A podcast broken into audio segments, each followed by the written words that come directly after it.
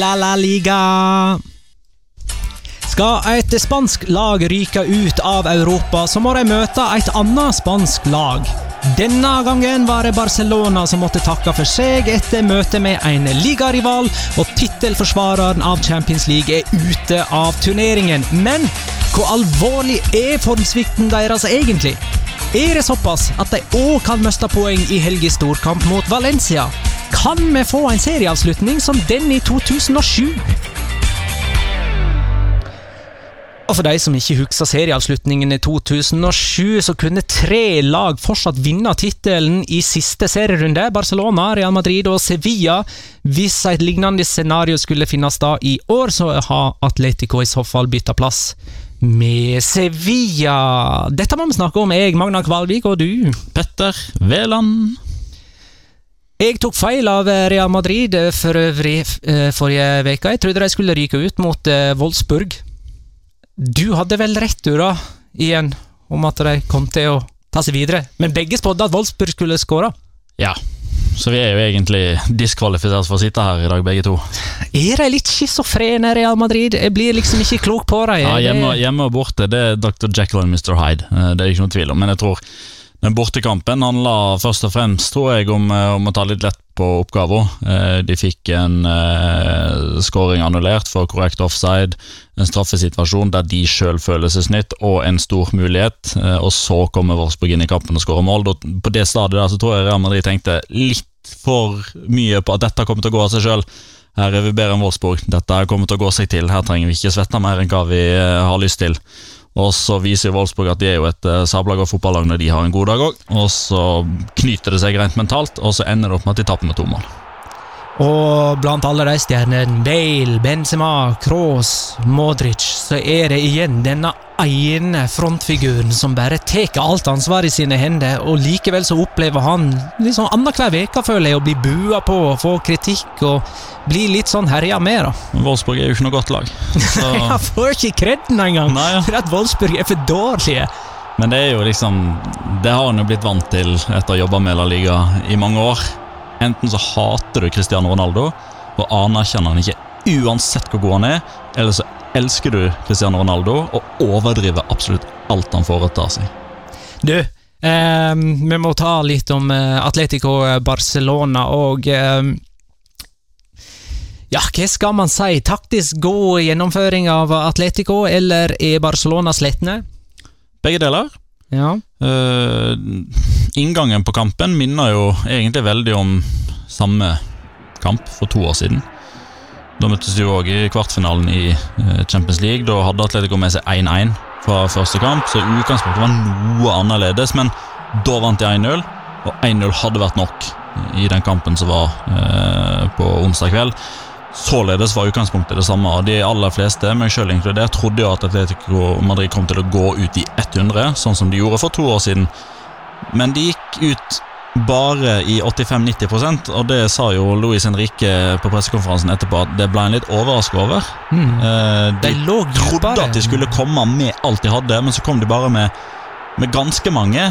Uh, og så ble Barcelona liksom satt ut av det, for jeg tror de hadde en veldig kampplan på at i begynnelsen så skal vi stå imot, først og fremst, og så leite vi etter uh, gjennombruddsmulighetene. Virker nesten så de forskyvde planen litt, Atletico, for vanligvis så har de et enormt uh, intensivt press de første 20. Nå drøyde de det 10 minutter, og så tok de fra 10 til 30 minutter med et vanvittig press. Og så lenge de hadde dette presset, så skapte jo Barcelona ingen verdens ting. Det var jo først etter timen kanskje at Barcelona begynte å Ja, rundt fem og 55 Etter den der i tverrleggeren for Atletico. Ja. Da, eh, da, skjedde det to ting som er liksom direkte konsekvenser av hverandre. Barcelona opp med balltempo, litt mer bevegelse. Atletico Madrid trekker seg litt lenger ned for å demme opp i enda større grad. Så den, den siste halvtimen så gjorde Atletico Madrid to ting. De hadde alle mann innenfor 16, eller fire mann i rett i angrep for å kontra mot Barcelona, og det var jo på akkurat den måten at selve avgjørelsen falt. Det er interessante statistikker etter kampen, for uh, visstnok så sprang Barcelona-spillerne til sammen 102 km. Det, er, det trekker ned snittet deres. Det er det minste de har sprunget i løpet av en kamp så langt i Champions League, og minst av alle de som starta, iallfall, sprang Lionel Messi. Sier dette litt om uh, slitasjen deres? Ja, men Messi springer som regel minst. Han gjør det. Han, han, han, 20 kilometer. han bunner de statistikkene stort sett hver eneste kamp, men okay. at, at det var så lavt, 7 kilometer, det er, det er jo i overkant, eller i underkant, alt etter som, hvordan jeg ser på det. Når det selv når det er Messi. eh, Det er klart at den eneste gangen i løpet av de 90 minuttene at jeg satt og tenkte Wow, Messi. Det var faktisk når han vant ballen tilbake igjen som typ høyre back mot Carasco, Ja. var det det? Uh, i, I første omgang. Uh, drøy halvtime var det noe sånt som var spilt. Ikke en eneste gang så satt jeg og lot meg bli blenda offensivt, eller hadde en feeling Og det av gjelder jo hele MSN. Ja, ja, absolutt. Suárez forsøkte eh, stykkevis og delt. Jeg, jeg fikk liksom feelingen hele veien at hvis det var noen som skulle avgjøre dette her, så var det Luis Suárez, og han som så ut som hadde mest overskudd, mest energi, mest lyst til å komme til semifinalen. Fortjent avansement da for Atletico. Ja, det syns jeg. Over 180 minutter. Ikke noe tvil om det. El Pais, vet du, spanske aviser kaller eh, Simione Altså sier at eh, Simione er for Atletico Madrid det Johan Cruyff var for Barcelona. Helt riktig. Cruyff som kom inn og revitaliserte Barcelona. Endra strukturen, endra måten klubben tenkte på. Det, det har jo Diego Simione gjort òg, når han kom eh, som en julegave til Atletico Madrid-fansen 23.12.2011. Da hadde de nettopp eh, røket ut av cupen mot et sekunda B-lag. Lurer på om det var Albacete eller Arcolcon eller noe sånt. Og de lå på 11.-plass i La Liga, fire poeng over nedrykksstreken. Og i etterkant, da. De har vunnet Europa League. De har kommet til finalen i Champions League, de har kommet til kvartfinalen i Champions League, nå er de i semifinalen i Champions League, de har vunnet La Liga, det er blitt nummer tre i La Liga to ganger, nå er de nummer to i La Liga. Og nå sitter vi i studio torsdag kveld eh, og veit at i løpet av fredagen så har Atletico trukket Real Madrid i semifinalen. Ja, det er veldig mange som er veldig sikre på det, og vi føyer oss jo inn i rekken der. Eh, For min del så er det rett og slett pga. grunn av at nå har det vært så mange trekninger på rad. Der har sittet sånn Vær så snill, ikke få et spansk oppgjør denne gangen òg. Og så har jeg bomma hver eneste gang. Det har blitt spansk hver eneste gang. Så det blir jo det nå òg. Det blir det nå òg, du. Og om litt så, vi er faktisk nødt til å snakke litt om Martin Ødegaard.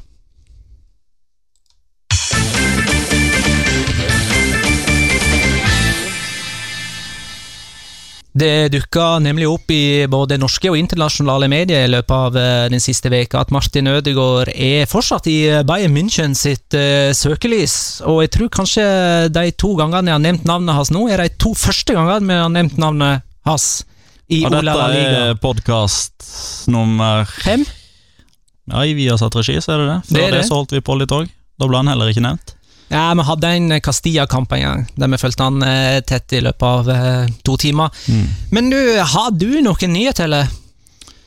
Ikke nyheter, men uh, det, det begynner å bli en dårlig skjult hemmelighet at det er to uh, klubber som er mer interessert enn andre, som ligger litt foran i løypa, som eh, etter sigende visstnok har dialog med Real Madrid allerede, med muligheter for å se på en, på en leieavtale for Martin Ødegaard kommende sesong. Eh, det er en sånn type prosess som veldig ofte blir igangsatt såpass tidlig. Eh, Det er mye som avhenger her. Altså, de to Kom til poenget, da! De, de to klubbene det er snakk om, det er de to andre Madrid-klubbene, og da tenker jeg ikke på Atletico. Rayo og Getafe, da? Rayo Vallecano og Getafe, og der kommer litt det der dersom at det, vissom at det. For akkurat nå så ligger jo Getafe i eh, sekundadivisjon, sånn rent uh, mentalt, og de Nest er i fantastisk altså. fantastisk dårlig form og er på vei ned. Hvis de rykker ned, så forsvinner det på mange måter som et reelt alternativ, tror jeg. Uh, Rayo Vallecano, Paco Remes er jo den som er trener nå. Uh, han skal, eh, etter den informasjonen jeg har satt på, gi tommel opp til at jeg kan begynne å jobbe med en sånn type eh, avtale. Men plutselig så er ikke det han som er trener for Rayo Skal ikke han til lenger. Spanjol? Han skal ut til Spanjol, han skal til Valencia, han skal okay. fortsette i Ivaicano, han skal bli spansk landslagssjef. Så han har mange ting å gjøre framover. Eh, Men er det sånn at Real Madrid og Real Madrid Castilla har jobba for at Ødegaard skal bli lånt ut etter hvert? Altså til kommende sesong? Det er grunntanken, mm. og det er òg den riktige timingen, eh, føler de. Eh, føler jeg, og jeg har sagt eh, hele veien, eh, at sommeren 2016 er på mange måter Da er det på tide å ta det neste steget. For den treningshverdagen som han har hatt fram til nå, har jeg backa stort sett hele veien. Altså En 16-åring, 17-åring som får lov til å trene med Real Madrid sitt A-lag bortimot fast i et år, halvannet, blir en bedre fotballspiller.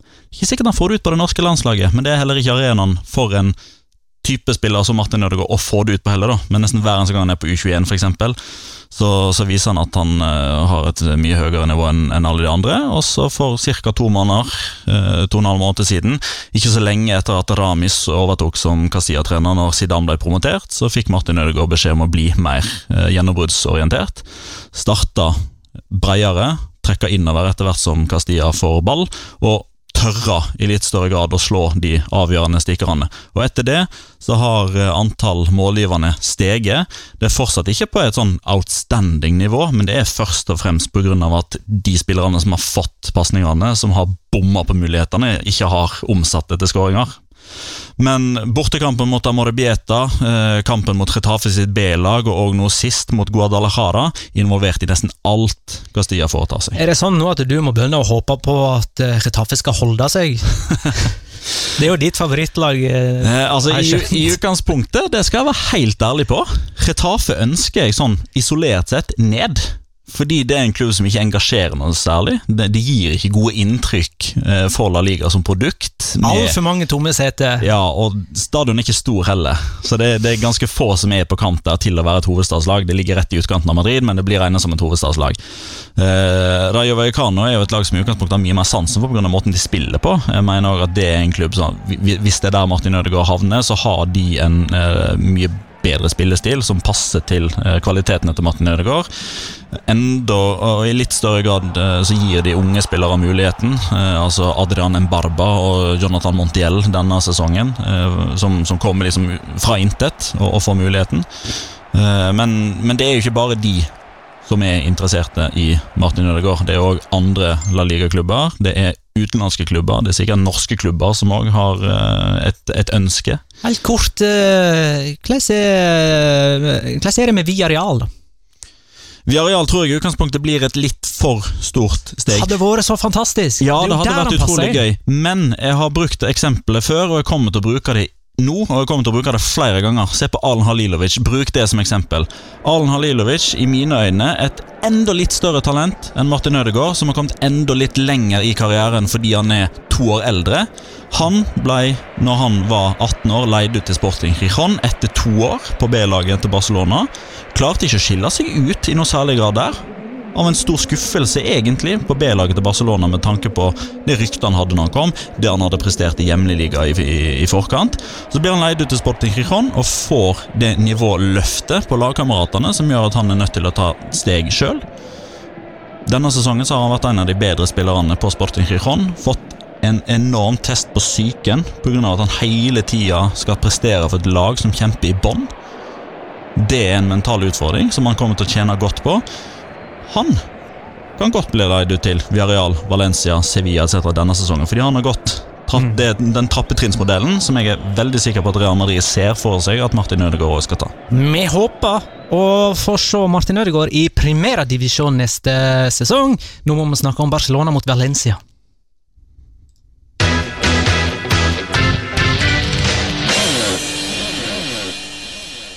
Skal vi endelig og for en gangs skyld si noe positivt om eh, Valencia nå? De rykker ikke ned! Vi skal få Valencia-fotball. Vi skal til Mestalla neste sesong òg. De hadde eh, sesongbeste, skal vi kalle det for det. I hvert fall de første 60 mot eh, Sevilla. Kjørte i grunnen over de. Eh, Kunne og burde ha leda 2-0, 3-0, kanskje 4-0 òg, hvis de hadde vært eh, effektive. Eh, Mot eh, en av sine største rivaler. Så det, det var en stor, stor opptur å få eh, stoppa den tapsrekka mot en av de største rivalene. I tillegg så var det jo en fantastisk serierunde for Valencia. Ingen av lagene bak tok tre poeng, bortsett fra Las Palmas som nå går forbi. Så Valencia er trygge. De kommer ikke til å rykke ned. Nå kan de slippe ned skuldrene. Og Jeg husker jo bortekampen mot Barcelona forrige sesong. Da, da husker jeg at jeg var på vei tilbake igjen fra Mjøndalen. Da hadde jeg kommentert Mjøndalen Start, lurer jeg på. Jeg skulle egentlig kommentere Barcelona-Valencia, men så ble jeg flytta Men til så bar Mjøndalen du Start. heller om å få Mjøndalen Start. Nei, det var andre Ja, ja, eh, omstendigheter som gjorde at jeg fikk den eh, i stedet. Uh, jeg husker jeg så den sånn delvis på telefonen på vei tilbake igjen. Så den selvfølgelig i opptak senere. Men da skåra eh, Det var vel Luis Suárez som hadde begge to. Han skåra helt i begynnelsen, helt på slutten, og i de 88 andre minuttene så var Valencia bedre. Øh, Det er vel bare et par sesonger siden de vant da på kamp nå. Øh, Ja, når Jordi Alba ble utvist mot gamleklubben. Ja. Vant 3-2. Og i det motsatte oppgjøret denne sesongen så ble det jo 1-1. Det var rett før Gary Neville tok over. Da skåra vel Santimina, mens øh, vår Gary Neville skulle jo egentlig vært trener der, da, men Ja. de, de ville gi han en, en god start, så han fikk debuten mot eh, Lyon i Champions League i stedet.